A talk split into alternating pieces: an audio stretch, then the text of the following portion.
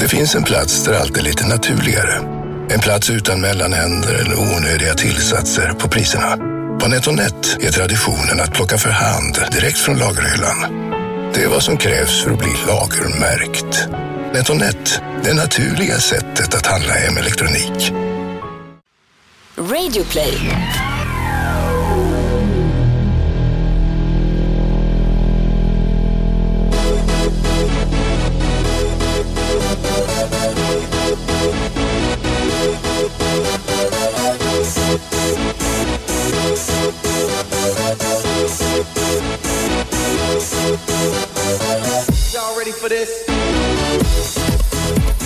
Yo, yo, yo! Varmt välkomna ska ni vara till ännu ett avsnitt av Toto Balutto. Det är måndag, det är en ny vecka, det är eh, den 6 mars. Hur är läget med Thomas Wilbacher? Eh, Det är bra. Sportlovet vet du är över. Mm. Sportlov eh, för en nybliven trebarnspappa, det är tuffa grejer. det För mig, har det varit en, dessutom skid-VM ska jag säga också. för mig som inte är då trebarnsfar utan Mm. bara, jag är bilist i Stockholm, så har ju sportlovet varit en jävla härlig Jo tid. men så är det ju. Satan vad tomt det är på vägarna. Också fundamentalt för det här sportlovet för mig när, du vet, när jag härjar emellan de olika aktiviteterna och jobb då. Och jag sa skid-VM för att det, det är faktiskt jävligt skönt. Jag kände en lättnad i morse när skid-VM var slut. Mm. Eh, Jag har jobbat lite med det och, det, det är ett runk, alltså skid-VM, som liknar, ja men fan ingenting liknar det. Det är så få som är med, det är egentligen ganska få nationer som är intresserade överhuvudtaget. Ytterst få nationer som bryr sig. Alltså jag jämförde Gazzetta dello Sport med Expressen eh, en, en av dagarna. Då hade de en halvsida om eh, stafetten. Samtidigt då som vi slog på, trots att vi har dragit ner sidorna på sporten med kanske 7-8 sidor. Du vet det. det var allt från kröniker till vinklar till nyheter. Eh, så man känner, tycker jag i alla fall, när man, när man kommer in i den bubblan som är skid-VM, att man gärna tar sig ut. Tillbaka till den idrotten man, eh, man gillar bäst. Ja, för att eh, hur många skid-VM eh, som den rasar så är det ju så att eh, fotbollen bara gnuggar på. Jo men i skid-VM är det liksom en stav som blir 14 kröniker och 100 olika vinklar och konspirationsteorier. Bara, Men skit i den där jävla staven. Gå vidare. Va? Släpp det där nu. Ja men lite så. Så släpp skid-VM. Jag tror att vår programledare igår på Expressen, Frida Olsson, sa liksom att ja, ja nu var det över för den här gången, slutorden. Nu var det över för den här gången. Men vi syns igen 2019. Då är det dags igen. Redan börjat Bollade ladda upp det. Ja. Ja. Ja, då får vi säga välkommen tillbaka då till fotbollsvärlden. Tack. Ja, jag, har inte, jag har inte varit utanför än. Det är väl det som blir knasiga. Det är klart man har följt allt som har hänt. Eh, vi ska säga det eh, återigen då, det var ett väldigt eh, uppskattat och lyssnat avsnitt eh, senast med Niklas Holmgren. Jättemånga som har hört av sig, jättemånga som, eh, precis som vi, fick en en jävla kick in i helgen och man fick eh, ny smak på livet och positiv energi. Fan om man fick ny smak på livet, men däremot Du så... snackade ju i flera timmar efteråt, eh, efter inspelningen, att "Ah, jag ska fan rygga Hol- Holmgren och börja lira pingis igen. Jag tycker det är kul med pingis. Ja. Nej, men, men däremot så framstår han ju som extremt sympatisk. Speciellt när man träffar honom så här. Och efter och innan och när vi pratar med honom. En trevlig gubbe. Jag förstod ju också efter avsnittet att folk skulle tycka att det var bra. För det var ju väldigt likeable surr med, Ja, med Holmgren. Och han är rolig. Jag ringde Det- ju dig eh, några timmar senare och då var du hemma och då sa du att jag, jag går runt här och pratar som Holmgren. Ja, han, han eh, smittar av med sitt surr och det kanske är därför också så många gillar att eh, härma honom. Han, eh, han smittar av sig. Man blir en papegoja med Holmgren. Tack, tack i alla fall eh, alla ni som har hört av er med eh, fina ord om avsnittet både i sociala medier och på mail totobalotto@gmail.com. Sjätte match idag. Det, det finns eh, såklart en del födelsedagsbarn som vi ska salutera. Eh, ska vi börja med Kevin Prince Boateng? Den väldigt eh, profilstarka spelaren som har hattat runt lite mellan toppklubbarna. Eh, Schalke och Milan är väl hans mest klassiska tillhåll. Numera spelar han i Las Palmas. Eh, är det topp fem poplag den här säsongen i Europa? Ja, det tycker jag. Det är ett riktigt poplag. Många som gillar Las Palmas. Spelar rolig fotboll Gusten. Mm. Kanariefåglarna. Ja. Nej, men de har ju varit väldigt sevärda, Las Palmas. Eh, sen har de inte fått med sig alla resultat här, i synnerhet inte 2017. Men gjorde ju en stark vecka nu med kryss på Bernabeu och en eh, stor seger igår mot Mm. Ja, Osasuna. kryss med mer smak ska ju sägas också. Ja, vad säger du om eh, Kevin Prince Boateng? Vad har du för relation till honom? Ja, som alla egentligen, alltså från att ha varit rätt stökig och en, eh, en person som har synts väldigt mycket, i sociala medier och det har snackats mycket om. Speciellt då när han var i Milan, jag tror att det var då, då han eh, ändå på något sätt eh, intressemässigt sådär brett stod högst upp på karriären. Jag kan ju tycka att han gör fantastiskt nu i Las Palmas, men det var ändå i ett Milan som inte var helt nedmonterat än. Så folk kollade fortfarande. Han gjorde ju det där fantastiska målet på San Siro när Milan Mm. mötte Barca i någon Champions League åttondel. Mm. Kan det ha varit när han kommer in och gör något. Nej, det är det är ett helt galet mål. Vi är ju sponsrade av Betsson Gusten och eh, på tal om spel då, på tal om Betsson så satt jag på ett monsterspel på, på Milan en gång i tiden. Eh, borta mot Lecce. Det var viktigt för mig och eh, i halvtid stod det 2-0 Lecce. Då sa jag till min eh, svåger att jag går ut och springer nu för det här kommer ändå aldrig gå. Är det någonting jag kan göra det är i alla fall jobba in det här resultatet. Så jag måste ut och svettas. Var varmt som fan hemma i Sverige. Men eh, ja, jag körde en runda, kom tillbaka på övertid när Kevin Prince Boateng har vänt på steken bland annat med ett av hans eh, liksom, snyggaste mål i karriären. På Via del Mare nere i eh, Apulien. Så att han kommer alltid ha en speciell plats i, i ditt hjärta. Ja, Det var otroligt viktigt alltså, det målet. Det var stor sving på det. Annars är ju Kevin Prince Boateng hälften av det brödrapar som har fått ganska mycket uppmärksamhet. Eh, I, I synnerhet då i kontroversen dem emellan. Kevin Prince är alltså brorsa till Jerome i Bayern München, säkert många koll på.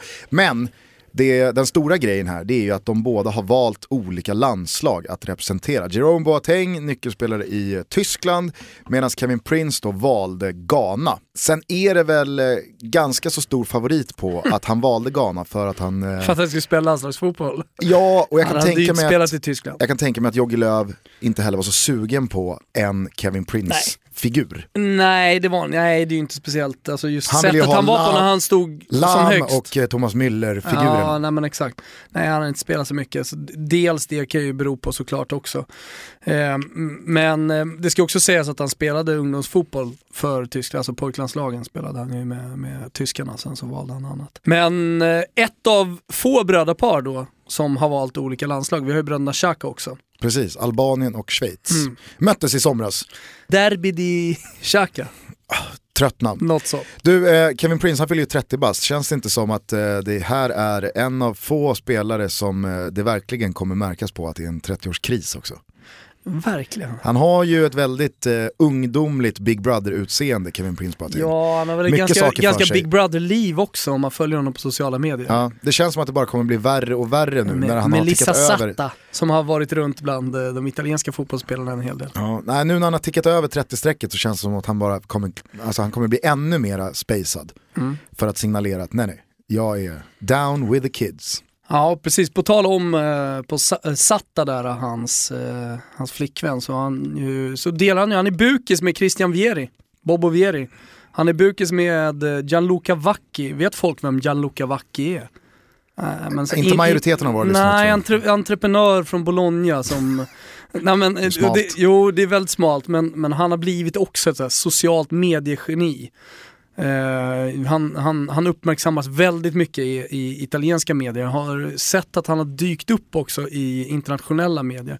Så vissa kanske har, har lite koll på den här gubben. Och sen så var det ju någon slags kamp mellan honom och Rocco Siffredi i något läge. Alltså det är smutsiga grejer, riktiga så här tonårsfasoner de håller på med de, de italienska fotbollsspelarna. Och för all del uppenbarligen då även entreprenörerna.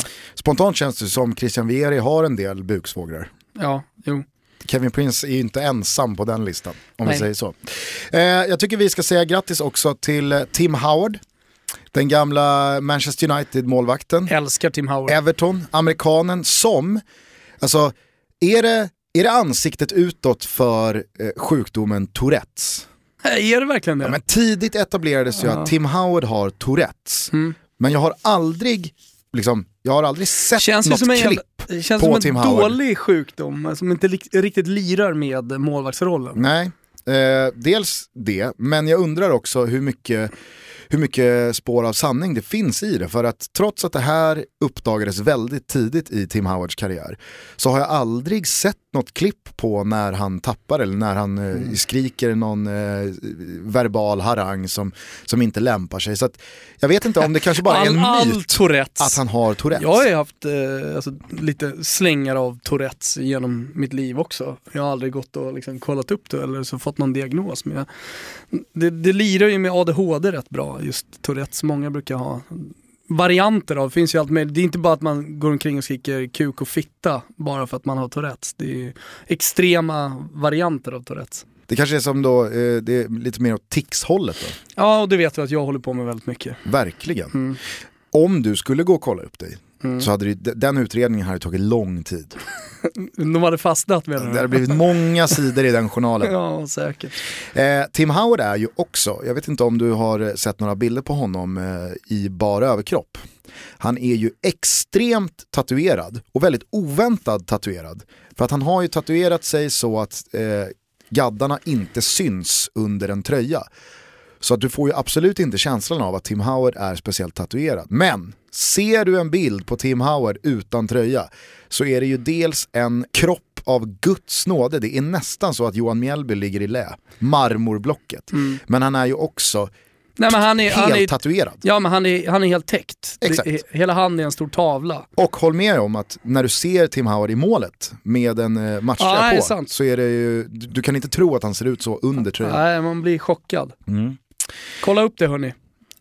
Eh, Vilka ska vi hylla mer? Jorgos Karagounis, Ja, min polare. den gamle greken som var Träffade med. man ju på eh, dagen efter Champions League-finalen när jag och Tancredi stod i en bar mitt på Piazza del Duomo i eh, Milano och tog ner fighten. Han, Tancredi hade varit iväg och köpt souvenirer fem minuter innan den officiella shoppen på Piazza del Duomo hade stängt. Det var en sån här pop-up affär som de, de alltid har när det är Champions League-finaler. Och den skulle stänga och jag tror att det var halva priset. Tancredi är ju en snål jävel vet du. Mhm. Ja, så jag tror att det var halva priset där dag, dagen efter. Skulle bli av med alltihopa.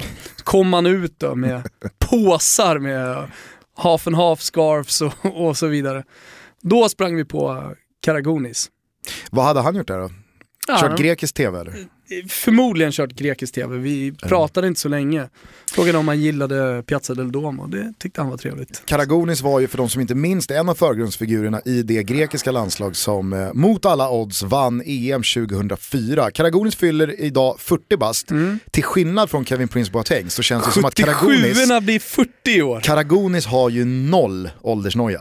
Han längtar ju tills han fyller 60. Så han bara kan sitta på någon paralia och dricka ouzo och sitta med ett sånt här, vad heter de här grekiska, inte radbanden utan det är som en, en läderrem med Men två det är ju kulor. Rad, det, är ju, det är väl en variant av ett radband? Ja, jag vet inte riktigt eh, om det, just Ja, men greker de sitter har, och fipplar med de här exakt, kulorna hela kastar tiden. de här kulorna i handen. Ja, på tal om olika. tics. På tal om tics ja.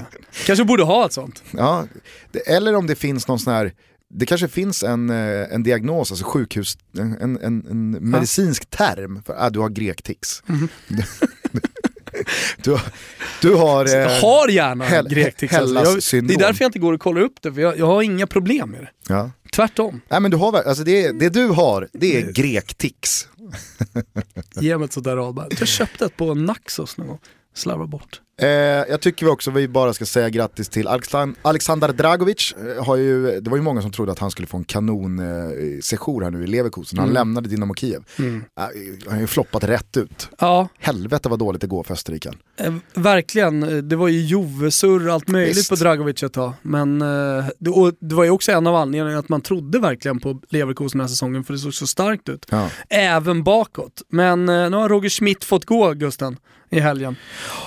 Och frågan är vart han nu landar. För Mm. att eh, det känns ju som att eh, du kan få mer eller mindre anonyma avskedningar.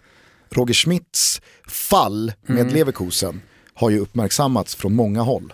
Ja, det har det gjort.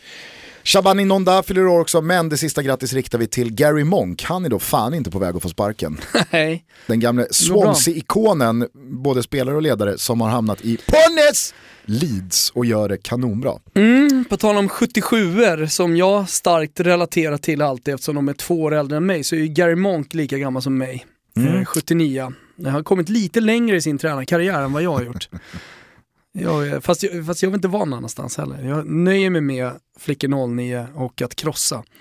Någonting stör mig, det här kanske inte är riktigt läge att prata om just nu, men, men jag vill ändå ta upp det Gusten. På tal om Flickor 09, du vet att man inte får vinna kupper längre. Ja, alltså, jag har hört det. Ja, du får, alla ska få medaljer, alla ska få pokaler. Du räknar inga resultat. Det är då en följd av uh, att förbundet har tagit krafttag då mot det här efter diverse eh, forskarrapporter som säger att eh, mer eller mindre, utan att gå in på djupet då, men, men att det inte är bra för barn, det är inte bra för deras utveckling. Eh, det finns egentligen ingenting positivt med att räkna resultat för, för ja, mindre barn. Känslan är ju att det finns ju ingen större motståndare till det här än just Gary Monk. Och jag. Ja, och ja. du. Det känns också som någonting väldigt svenskt. Ja. Eh, men nu kan det låta som en liten kvasianalys av detta. Men håll med om att det är konstigt att åka på kupp som jag gjorde förra helgen. Slakta rent så som vi gjorde utan att släppa in ett mål, gjorde massa framåt med två lag där. Och sen eh, hälsa på tränaren efter, egentligen inte gjort något konstigt. Tjejerna var jätteglada för de hade ju vunnit matchen. Så jag, säg till era tjejer att de inte får jubla för att vi räknar inte resultat. Ja, men vad fan ska vi göra då? De gör ju mål! Och blir glada för de har fattat att det är det fotboll handlar om.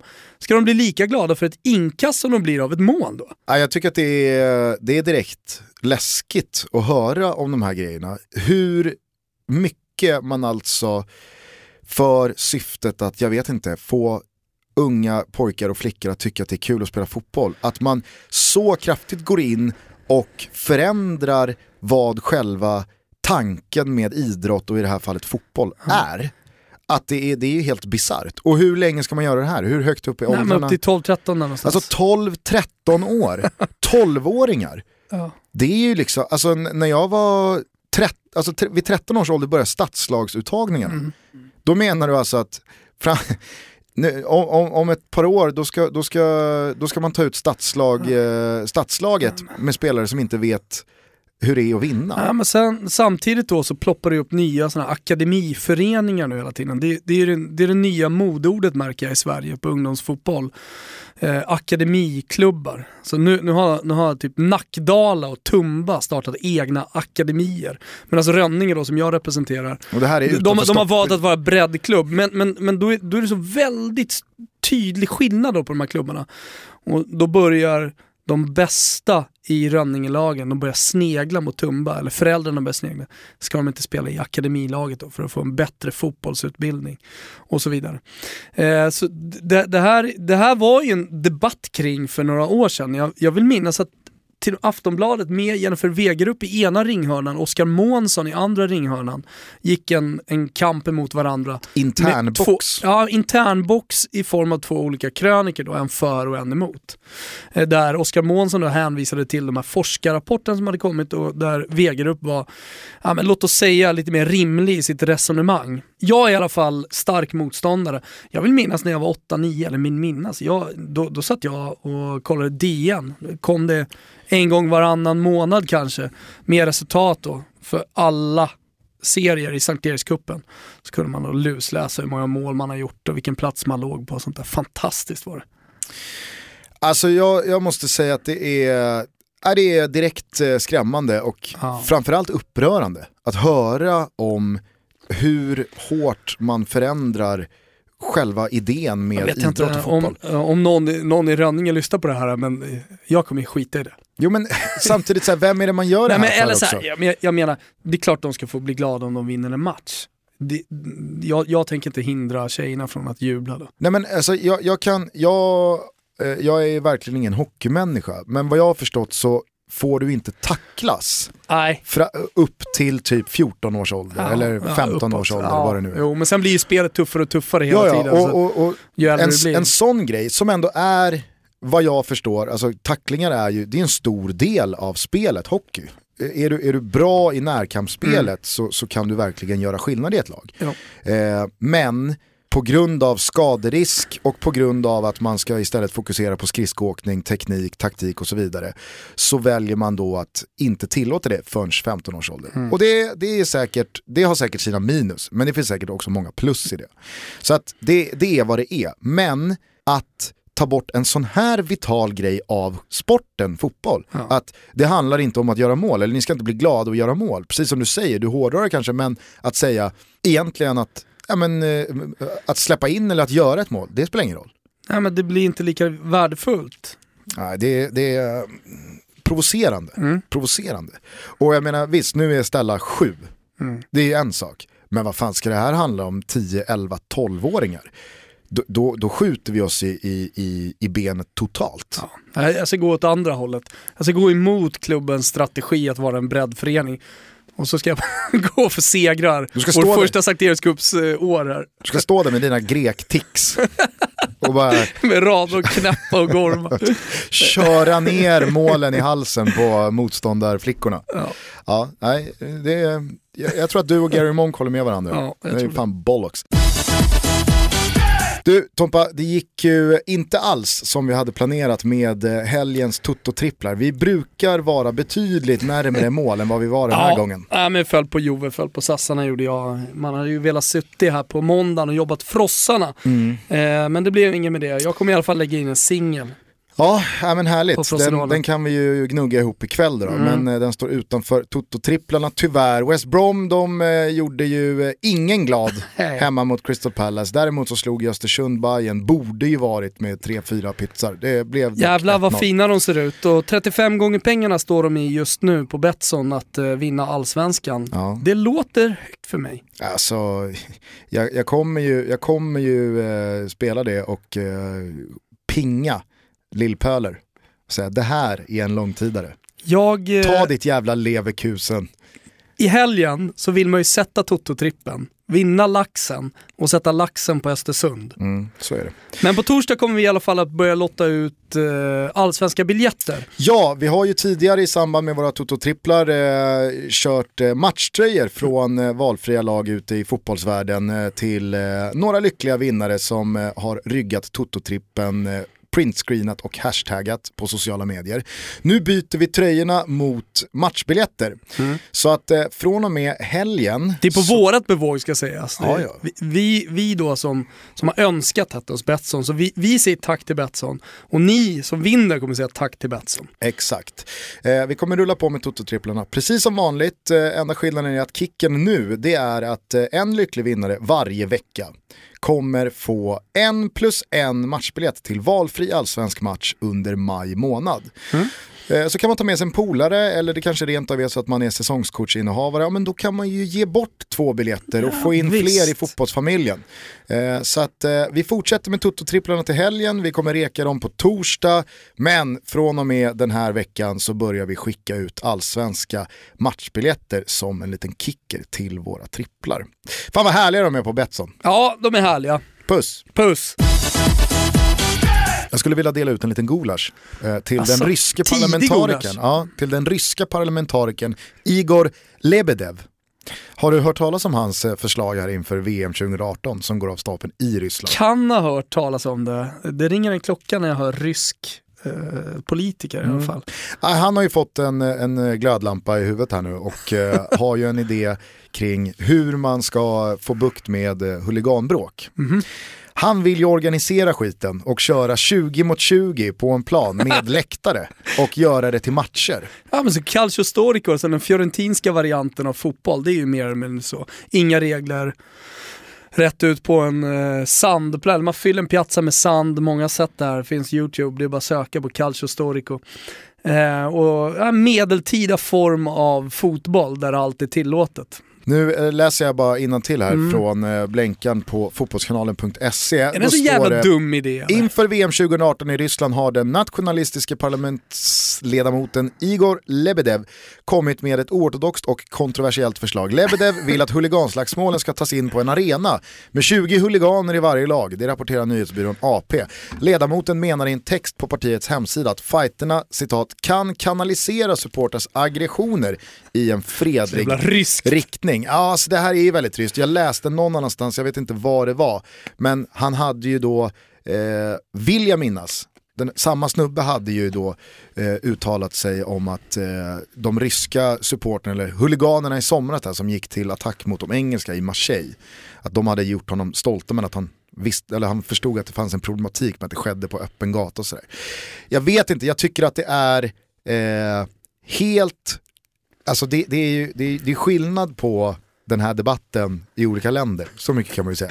Alltså ponera ifall... Vilken svensk politiker hade varit ja, tänk... mest kompatibel att... Uh, Björn Erik... Mest trolig att uh, ge ett sånt här förslag. Björn Eriksson har ju jobbat... Lämna in motion på... Björn Eriksson har ju jobbat med väldigt mycket utredningar eh, och eh, väldigt mycket supporter relaterade frågor jo. i samband med matcher och polis och, och eh, hur, hur, eh, hur lagarna ser ut. Eh, alltså, tänk om han liksom hade gjort en, en utredning på ett år, ett och ett halvt år ställt sig i någon eh, talarstol, knackat ihop pappren och sagt ja, jag har kommit fram till att eh, jag tror att det bästa är om vi samlar eh, lagens eh, firmer, kategori C-supportrarna och eh, så kör vi helt enkelt en, eh, ja, en allsvensk tabell där också. 20 mot 20, det här är en timme innan avspark.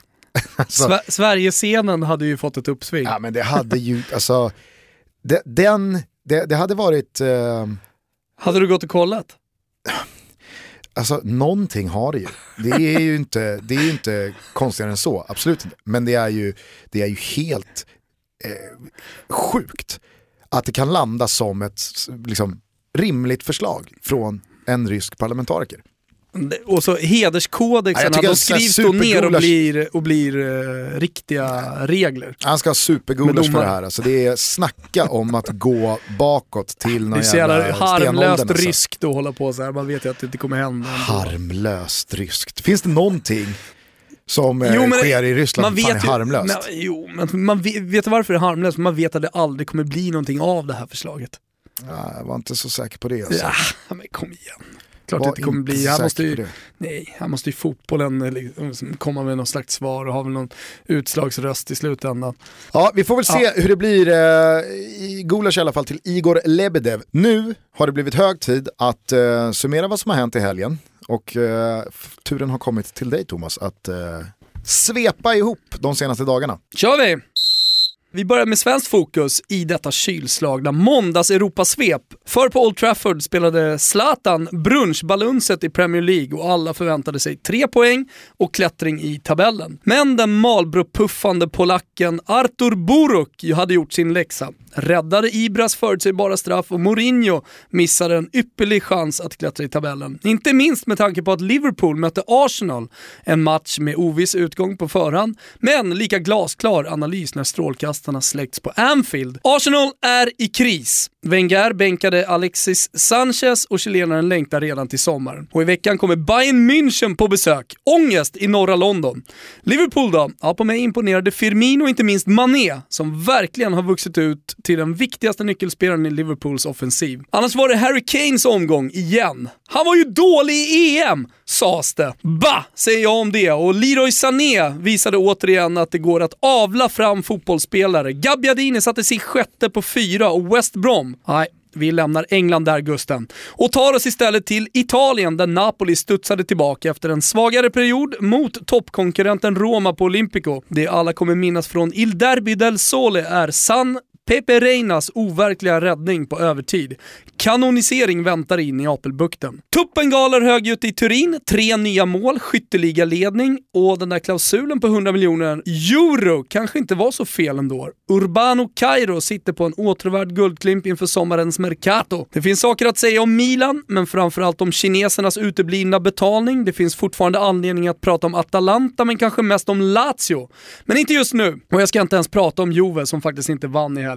Från övriga Europa noterar vi Mbappés fortsatta succé i den märkliga klubben Monaco. Ingen har väl missat utrikeskorrespondentens brorsas nedtagning och efterföljande Elasticotunnel? Nej, trodde väl det. Och på tal om svenskar hörni, vi är heta ute i Europa. Marcus Berg gjorde mål igen i Grekland. Samuel Armenteros går som tåget ner i Holland och jagar nu en skytteliga-titel. Samuel Gustafsson startade sin första match för Torino. Åman Persson spelade 90 minuter för Belenenses. Albin Ekdal sköt tre blytunga poäng till di Rothosen. Hiljemark stänkte in en kasse. Jakob Johansson i AIK Aten skårade. Branner Gota pytsade. Ja, Oskar Wendt och till och med Mikael Lustig gjorde mål. Ni hör ju. Du glömde ett svenskt mål från helgen. Ja, det kanske jag gjorde. Martin Olsson gjorde Just mål för det. Swansea Ja. mot uh, Burnley. Men... eh, Troligt vad det smällde i helgen. Ja, ibland så sker det. Mm. Ibland så stämmer det. För Jannes boys. Eh, Gott tecken också roligt. inför... Eh, folk har ju glömt bort lite landslagsfotbollen eftersom det har gått så lång tid sedan eh, förra VM-kvalmatchen. Men vi möter ju faktiskt Vitryssland om bara ett par veckor. Ja, verkligen. Och det är också en sån här match som, jag vet inte, man ganska så obehagligt har räknat in tre pinnar från. Ja, eh, men Man det är tänker väl att det bara ska vara Ja, Frankrike absolut. och Holland emot här. Men, jo, men det eh, är alla de där äh, östlagen som ändå har kvalitet. De är jobbiga att möta. Och, och, men, men det är ju framförallt på bortaplan. Hemma så ska det inte vara något snack om saken. Vitryssland ska bara vinna små. Eh, det om det, vi lär få anledning att återkomma till det stundande VM-kvalet. Bra svep, eh, jag tycker att det var eh, kul att du lyfte honom, även fast du inte nämner hans namn. Jag tror att många lyssnare inte riktigt fattade att du pratade om Andrea Belotti. Som Il Gallo. Han kallas ju för det, tuppen. Exakt, det är ju en Toto Balotto-favorit sedan länge. Vi har ju eh, vurmat eh, kring honom eh, i, ja, sedan vi startade den här podden. Eh, men nu så skickade han in ett eh, hattrick igår. Sju minuter. Eh, och leder den italienska skytteligan med tre mål ner till Iguain och Edin Dzeko. Ja, han gör det i Torino ska sägas också. Man kan ju jämföra med Messi till exempel som har gjort 23 ligamål den här säsongen.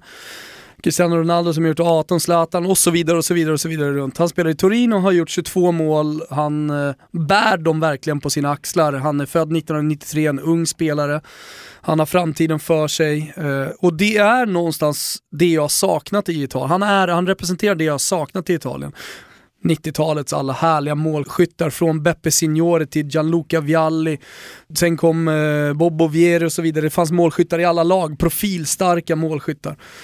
Senaste tio åren, ah, det har varit snålt med det. Man har haft någon Luca Toni som har kommit, eh, men ingen, ingen sån här De riktig bomber. de italienska målskyttarna som har existerat senaste decenniet, det är ju spelare som är till åren komna. Nu kommer ju verkligen Belotti underifrån och visar att eh, här finns det en framtid. Ja, Och känslan är att han bara börjat. Det här är ingen bluff. Nej, och i samma svep här så sätter du ju en eh, befogad krisstämpel på Arsenal. Kanske finns svaret i just Andrea Belotti i sommar.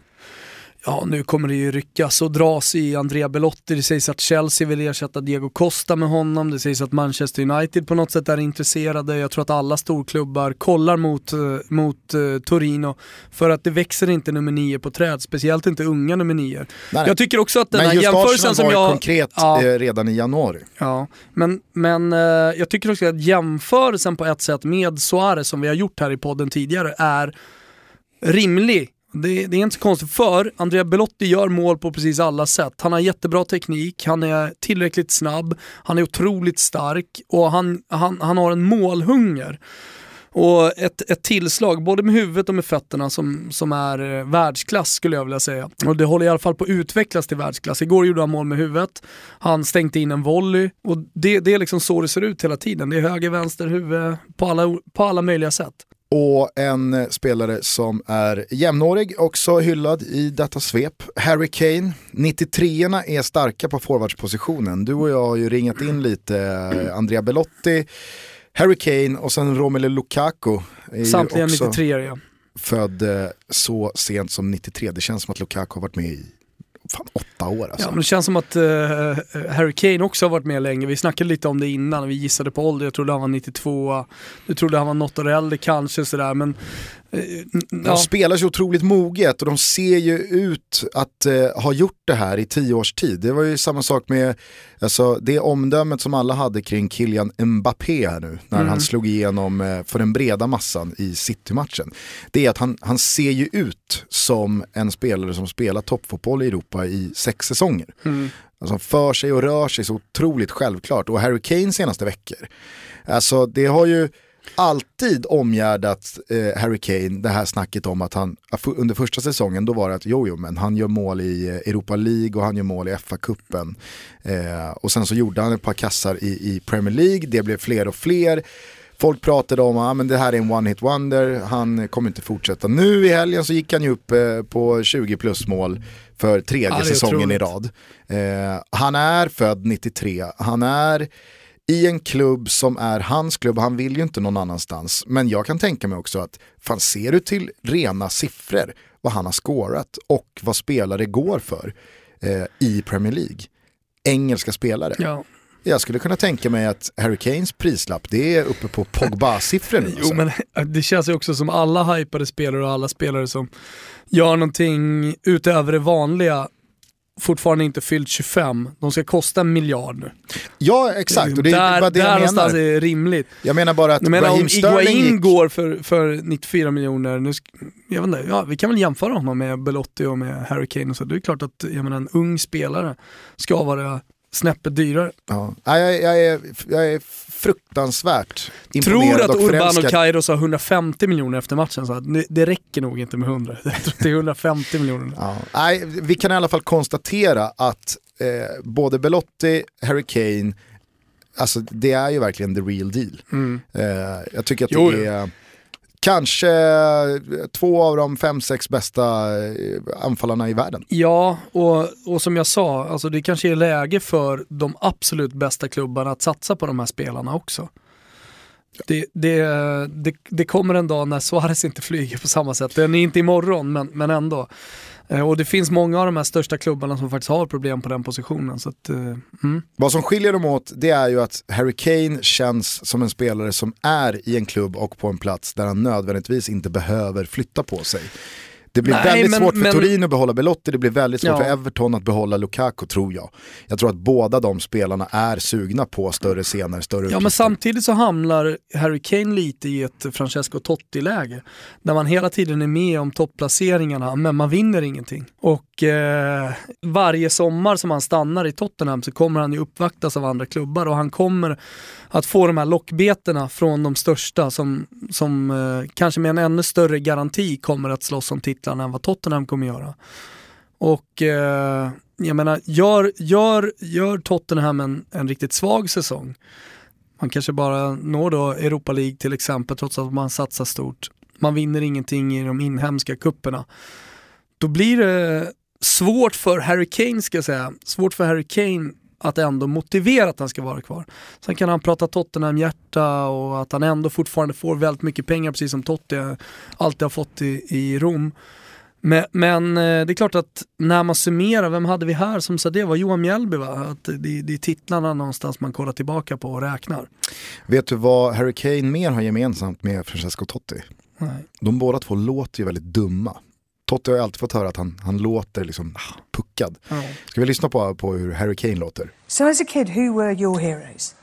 Uh, I I had a few. I think Teddy Sherman, David Beckham, Jermaine Defoe. Uh, there's a good story actually uh, with Defoe. I was uh, I was in school. I think I was in year seven, and I was playing on the street football with all my mates, and uh, this uh, black Range Rover turned up, and uh, Jermaine Defoe just got out and started playing football with us. And uh, I say I think I was only 11 or 12 at the time, so it was just that, that was mental. And uh, like I say, but great for him to do it. And I spoke about it when he was at the club, and he remembers it. So uh, yeah, that's definitely a memory that I won't forget. Avslutningsvis bara, du är sportchef, eh, du vet att du får ett ja, eh, men du får bara värva en av de här tre spelarna. Vem värvar du av Belotti, Kane och Lukaku? Jo, men du, om du frågar mig den frågan så säger jag såklart eh, Il Gallo från Torino. Ah, ja, Det är, det är en personlig favoritspelare. Sen är det ju procent hit och dit och subjektivt. De är också inte riktigt samma typ av spelare heller. Men jag tycker, jag tycker att eh, Belotti är den mest kompletta av de två om jag ska svara någorlunda objektivt de på den här frågan. Av de här tre. Ah, Men- jag, jag känner att jag, jag vet inte fan, jag kan inte ens välja. Alltså. Jag älskar Lukaku, jag tycker han är enorm. Såg du Monaco-matchen igår annars? Ja, Det är så jävla märkligt att titta på Monaco som är ett fantastiskt lagbygge, men som är en, som jag sa i svepen, så märklig klubb. Det var ryssen, eh, eh, ryssen som köpte klubben, dyra pengar. Allting började med att man då värvade in storspelare. Man gjorde en slags eh, PSG-satsning, en Manchester City, då man skulle värva stora spelare, dyra pengar, det var Ronaldo och snack och allt möjligt. Men det stannade vid Moutinho, det stannade vid Ocampos som nu inte längre spelar i klubben. Framförallt så plockade de ju Falcao. Ja exakt, och eh, det jag skulle komma till, till Falcao. Och sen så kom ju en sommar då, då ryktades det om att den här ryssen hade gått igenom en skilsmässa, blivit av med extremt mycket pengar i den, att han inte längre ville eller hade råd att satsa så stort. Och istället så blev det uttalat då från klubben att man skulle satsa ungt, man skulle satsa franskt och eh, ja, Monaco-fansen, de få som finns, förstod inte riktigt vart åt det här barkade. Eh, och så har det blivit så här bra, men så sitter man och tittar på den här matchen också. De har ju en så märklig arena. Det känns ju som man, man har hamnat på någon sån här mega yoga knullfarm i New Delhi. Det, det, det, är liksom, ja men den är så jävla märklig. Det känns som ett indiskt tempel när man kollar, när, när, när de zoomar ut där i halvtid det, med alla de här Monaco-flaggorna, vad har de? 20 stycken på rad på kortsidan. Den är också, det är så skarpa linjer runt hela också. Så det känns, känns som man har hamnat på en, konstigt jävla indiskt tempel. och så med det där lagbygget som är så fantastiskt och sen så med, med då en strategi som har ändrats från att värva jättedyrt till att helt plötsligt bli Frankrikes bästa klubb på att ta hand om de här unga spelarna nästan. Ja, såklart med Lyon och så vidare, men ändå. Hur eh, tror du att spelarna i Monaco värderar sin eh, plats i näringskedjan? För att man måste ju ändå ge dem att de har, de har ju realistisk chans på en ligatitel. Vem vet vad som händer här nu i Champions League? Alltså jag tänker på det du eh, resonerade kring då. Eh, ja, men eh, I slutändan handlar det om att vinna titlar. Man går nog dit eh, alltså många väljer nog i slutändan att gå dit man kan vinna titlar. Hur tror du spelare i Monaco resonerar? Åt det hållet, absolut. Alltså, nu ska vi komma ihåg att Monaco i den här uh, nya strategin, om den är så ny, men, men ändå i sin klubbstrategi säljer spelare om det är så att det kommer in, kommer in bud. Så att man, Monacos egen självbild är inte storklubb. Vilket betyder att uh, får, man, får man rätt pris så säljer man. Så att, uh, och, och det känner nog spelarna också. Det går inte att stanna i Monaco. Du Thomas, nu har det blivit hög jävla tid att lyfta luren och ringa Turkiet. Det var länge sedan vi pratade med vår utrikeskorrespondent. Jag tror att han har mycket bra att säga. Tjena Danne, Janne här. Har du Sams nummer?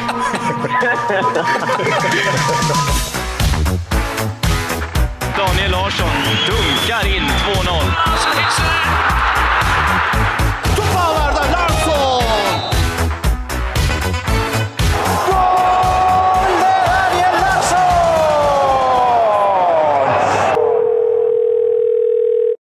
Tjena!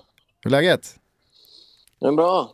Eh, mm. Ni är på bortamatch i Ankara. Ja. Gençler Birligi väntar ikväll. Mm -hmm. eh, berätta bara kort, eh, din egen status. Är du tillbaka i matchtruppen? Uh, jag är tillbaka i restruppen i alla fall. uh, Alltid lika kul tränat två dagar så jag är väl tveksam till om det blir några minuter där idag. Uh, kan men, det bli läktaren till och med eller? Ja, det kan det bli. Vi är 22 man här. Men känns det inte lite skönt att vara på resande fot igen då? Jo, det är faktiskt lite mysigt. Var med i laget? man tröttnar samtidigt fort. ja, man gör väl det. Det var kul igår kväll. okay. hur, är, hur är badrummet och wifi på hotellet? Ja, sådär alltså. Liten besvikelse. Eh, du har i alla fall haft problem med ett knä senaste veckorna. Mm, ja, det är inte exakt själva knät som har problemet, men det sitter i den regionen. Va, vad, är, vad är status nu då? När vi pratade sist så sa du nu skiter jag nu kör jag. Ja, det är väl ungefär så. Det är inte helt bra, men eh, det blir heller inte bättre nu, så det får, det får gå. Men du, ett par fina resultat eh, har ju laget lyckats skrapa ihop även utan dig. Mm, ja, det är stort fler matcher att vänta i kuppen? Ja, givetvis. Det är returmöte borta mot, eh, eller hemma mot Başakşehir om... Eh, ja, det är nog ett par veckor i och för sig. Det är nog efter landslagsuppehållet tror jag. Det jag i alla fall har noterat och det vi har pratat om lite du och jag sinsemellan det är ju er eh, otroliga poängskörd sett till hur få mål ni har gjort. ja. Ni har ju alltså gjort, på 22 matcher så har Akisar gjort 16 mål. Skrapat ja. ihop 27 pinnar. Det är otroligt alltså. Ja, det är imponerande. Jag tror jag är uppe i 12 nollor nu. Så målen som har ramlat in har ramlat in på väldigt få matcher dessutom. Tränar ni mycket eh, försvarsspel under veckorna? Eh, inte vad jag vet. Jag har inte varit med så mycket och tränat. Nej. Eh, men eh, det är inget sådär överdrivet i alla fall. Inget Men det är väl generellt ganska lågt stående liksom. Eh, och det har väl gjort det ganska så svårt att eh, ta sig igenom. Men du, skit i, skit i fotbollen då. När du är flyttat, du har kommit till en ny ort, eh, du har ett nytt hus. eh, Nu har du ju dessutom varit skadad så nu har du haft tid att liksom bo in dig. Hur, hur, hur trivs ni? Eh, ja, vi trivs skitbra. Sen är det inte riktigt så att man får mer tid som skadad. För det är ju precis tvärtom. Det är det Thomas tror. Ja, nu har jag ont i knät, vi ses om två Nu är veckor. det Det är så jag gör. Drog ljumskan på uh, inomhusfotbollen här för tre veckor sedan, sen dess har jag inte rört mig. Ah, vad skönt för Ja, dig. ja, vila mig i form här nu till Ja. våren, sen kommer jag ner när gräset är grönt på vallen.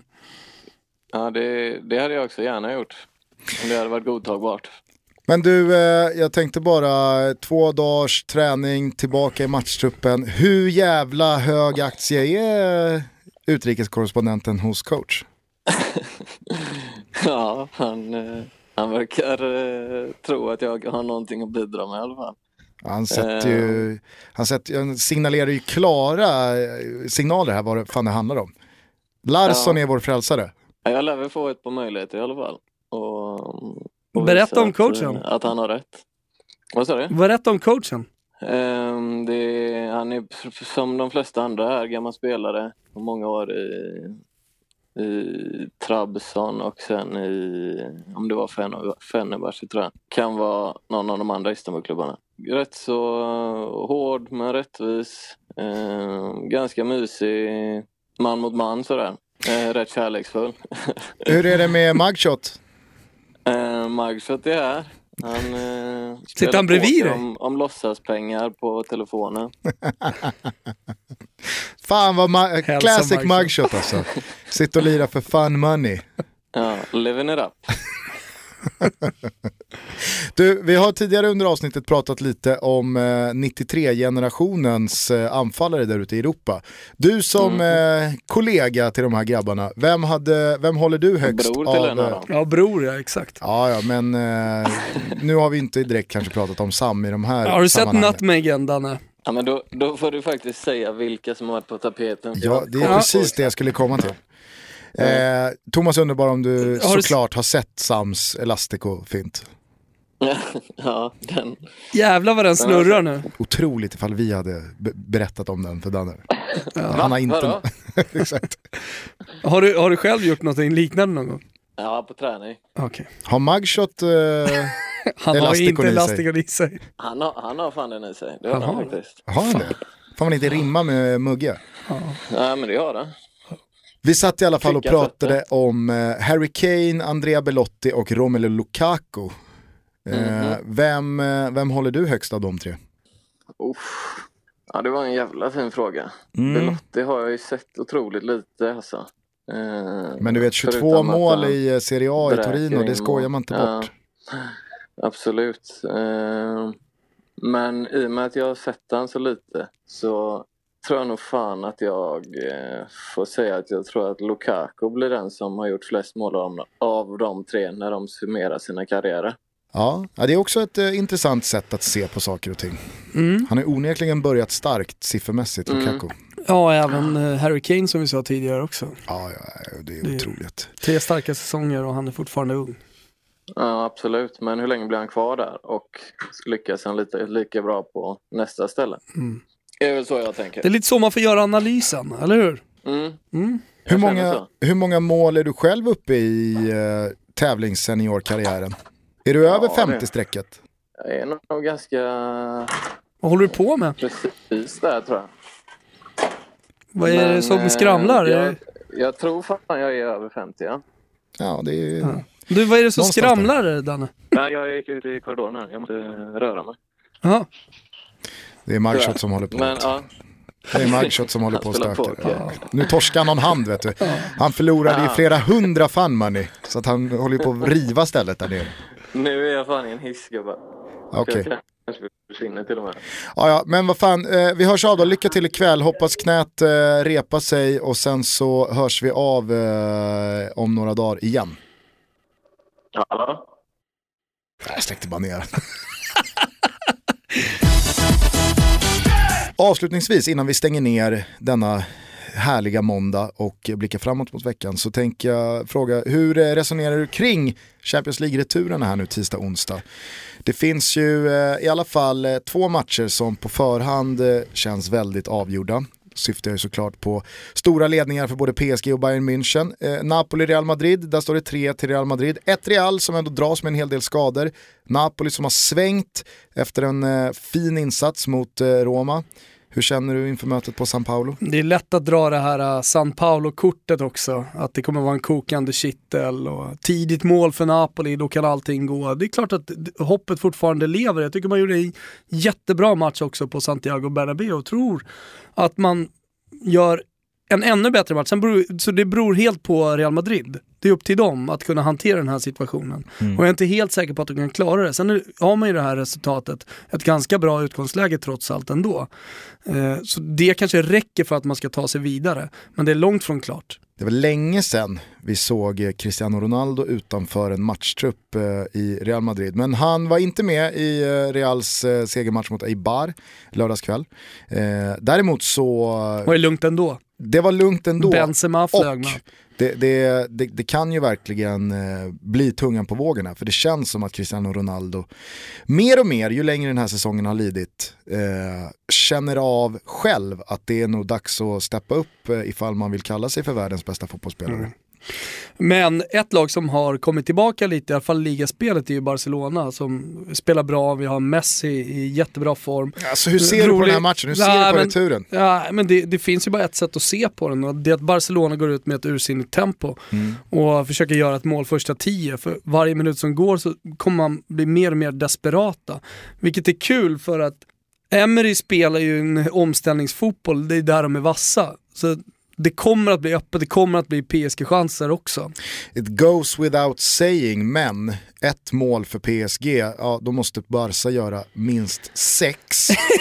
så att det ja. känns ju som men, att PSG har ju lite, ja men så här, jag vet inte, det är, ju, det är ju rimligt i alla fall att anta att Unai Emery har lekt med tanken att fuck it, vi går bara ut och vi, vi går för att göra mål vi också.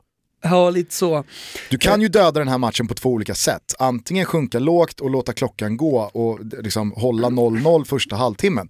Eller så går PSG bara ut med, med orden, gå ut och gör mål nej, så är det över. Nej, men jag, jag, tycker att de ska göra ungefär samma match som de gjorde på hemmaplan. Alltså det, det man gör är att man står rätt tight i försvaret och sen så när man väl får bollen så gör man någonting mer. De gick ju, de gick ju väldigt högt hemma mot Barca. Det är ju, jag, jag tror inte att ja, det kommer ju, se ut den, som den, det såg, matchen på Parc des Princes. Det var två, två, olika matcher skulle jag vilja säga. Sen så, sen så tog sig ju Barca lite och då kröp man hem mer. Och då utnyttjade man eh, snabbheten och sen känns det som att man har intränade varianter också på när man ställer om. Alltså de är otroligt skickliga, nästan hundraprocentiga i passningarna också. Vet precis var medspelarna är, känns som någonting som man har tränat på väldigt mycket under veckorna också. Eh, men så börjar man kolla på oddsen här, eh, över 3,5 till 2 gånger pengarna. Okej, det är en lång lina, men det ska ju mycket till om den här matchen inte Ja, ska bli målrik. Det är PSG... Chansrik kommer den ju att bli. Det är ett PSG-mål emot, kan man känna. Ja, lite, ja men du menar att Barcelona slappnar av och skiter i Nej, jag tror att skulle, skulle PSG göra 1-0 i den här matchen, mm. då dör den ju.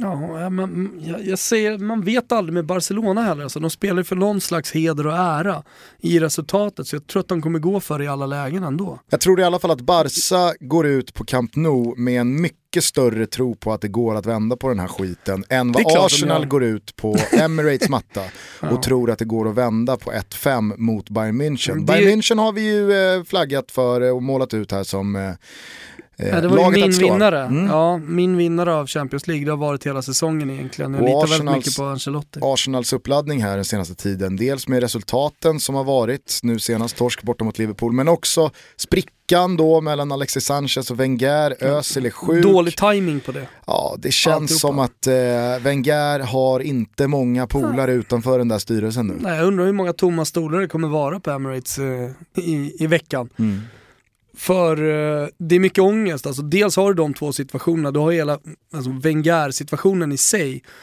som eh, såklart påverkar hela, hela Arsenals vår här nu, man vet inte vad som kommer hända. Det är väldigt ovisst och då kanske det inte är så jävla roligt att gå till Emirates som supporter och uh, ha 1-5 i, i, i minus när man börjar matchen. Och vi har ju redan sett att det är mycket tomma stolar på Emirates trots då att det är mer eller mindre slutsålt på säsongsbiljetter. För att folk har tröttnat. Jag, jag träffade några eh, kompisar från London för någon månad sedan. Tre stycken av dem hade säsongsbiljetter och hade varit på typ hälften av matcherna. Och då fick de ju såklart en liten jävla utskällning av mig eh, för att de skulle stå upp för sitt lag även när det var motigt. Men eh, det är inte bara det, är mycket som, som eh, inte är kul med att vara Arsenal-supporter just nu. Mm. Det är många som fortfarande inte är helt nöjda med arenan, flytten och man känner inte riktigt samma passion fortfarande. Nej, jag skulle i alla fall eh, säga att det, det blir oerhört intressant att se vilka spelare i Arsenal som eh, går ut i den här matchen med, med rak rygg och vill göra någonting av den och visa att man eh, tar det här på fullaste Man vet allvar. ju att gentlemannen Carlo Ancelotti kommer säga till Wenger innan att det, om du vill så kan vi ta det lugnt. Ja. Så får ni vinna den här matchen med 1-0. Ja, ja, alltså verkligen. Superrimligt att anta att Ja. den konversationen äger rum. Ja. Eh, den mest öppna matchen rent resultatmässigt det är ju eh, den mellan Borussia Dortmund och Benfica. Portugiserna leder med 1-0 från eh, hemmamötet. Och således så är det väl resultatmässigt ganska så nära 50-50 i alla fall om man ser till hur historien ser ut där då bortalaget leder med 1-0 från första mötet. Jag skulle säga att det är 55 Dortmund, 45 eh, Benfica den här matchen trots utgångsläget. Ja, nej, men de har ju onekligen varvat upp här eh, Dortmund. Spelade ut hela registret hemma mot Leverkusen i helgen, vann med 6-2. Eh, och det känns ju som att får Dortmund med sig första målet här ganska så tidigt in i matchen. Varför ska de få med sig första målet ganska så tidigt Nej, men i jag kan matchen? det, är tänka att- det är ett scenario. liksom. Jo, jo, men jag kan tänka mig att de går ut och verkligen kör för Jo. att få in målet tidigt. Eh, Vet du vad framförallt de har? Ja, De har ju ja. den gula väggen! Du har ju gnuggat emot gula väggen här senaste dagarna. Nej, men jag är så trött det. Det, vissa, det, det kan även vara San Paulo. Det, liksom att man överdriver nästan eh, vissa hemmaarenor, eh, eller f- det som en hemmaarenors faktor. Mm. Bara för att trycket är snäppet bättre någonstans så ska det vara en mycket större då faktor att spela på hemmaplan.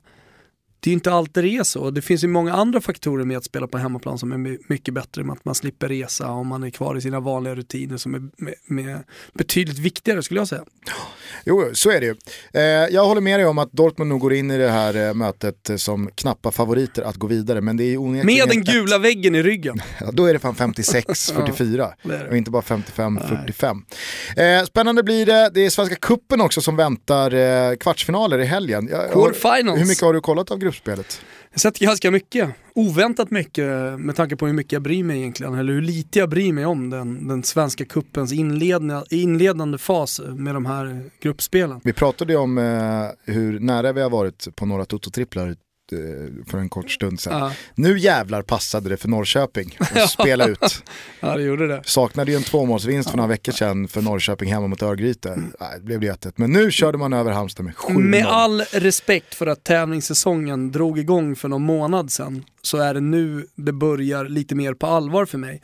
Det är nästan så att jag tycker att det är positivt med lag som underpresterar så här tidigt på säsongen. För det är inte nu man ska vara bra. Nej, och det har ju gnällts eh, både här och där på många lag. Dras för stora växlar på de här, eh, dels hur det ser ut spelmässigt men också på resultaten. Mm. Eller resultaten i och för sig skulle man ju kunna argumentera för att det, det är viktigt i och med att eh, många lag som Djurgården och Bayern och eh, flera som har åkt ur här nu faktiskt hade kuppen som ett uttalat mål.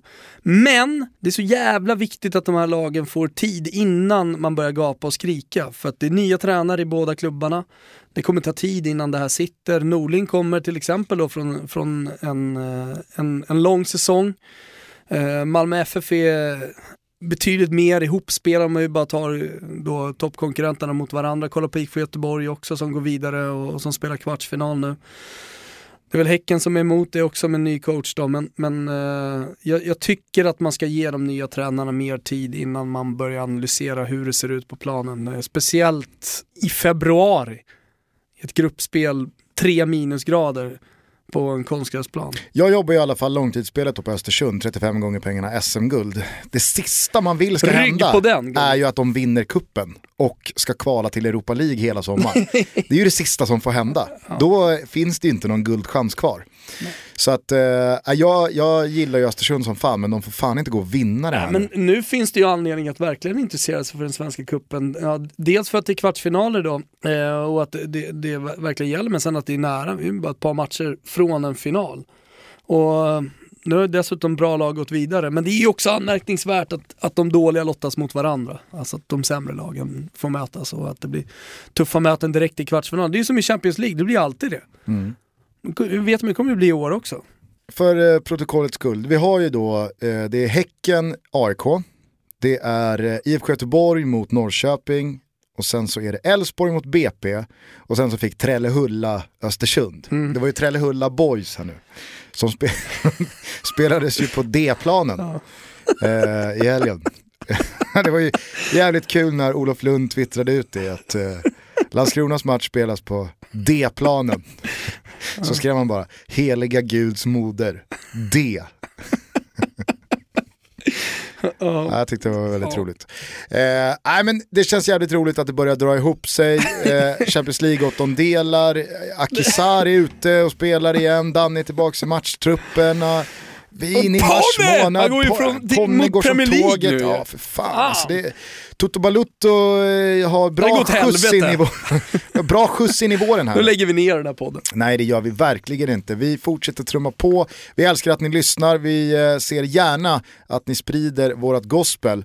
Så växer vi eh, in i nästa storlek av kostymen tillsammans. Eh, på torsdag så kör vi väl ett nytt avsnitt. ja, det gör vi. Om vi inte lägger ner.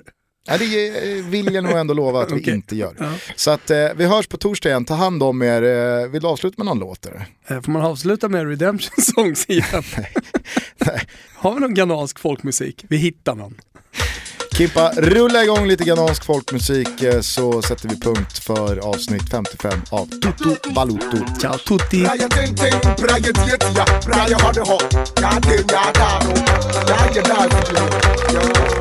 Brian ting ting, Brian tietia,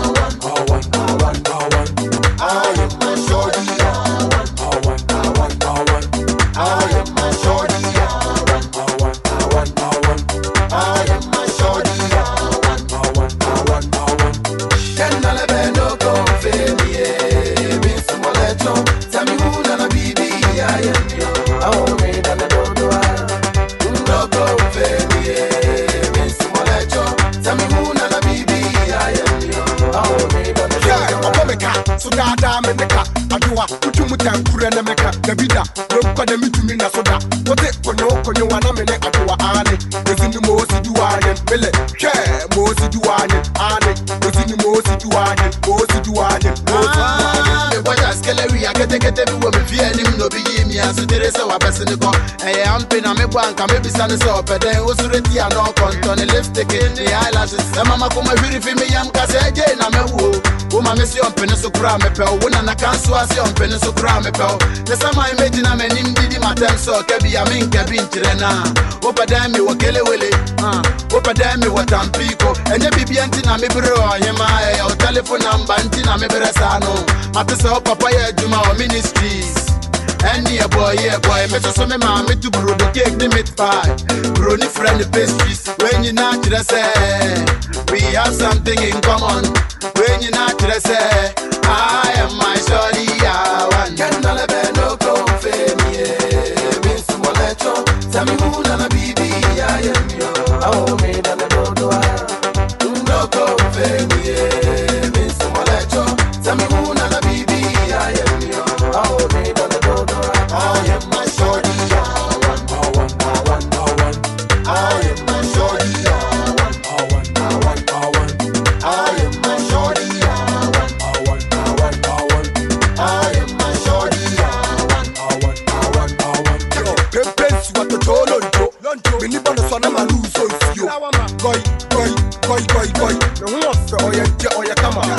noko naka naka tofu tofu defe defe. Noko noko naka naka tofu tofu defe defe. Sa ko ko su o su me slant fele pe yeah.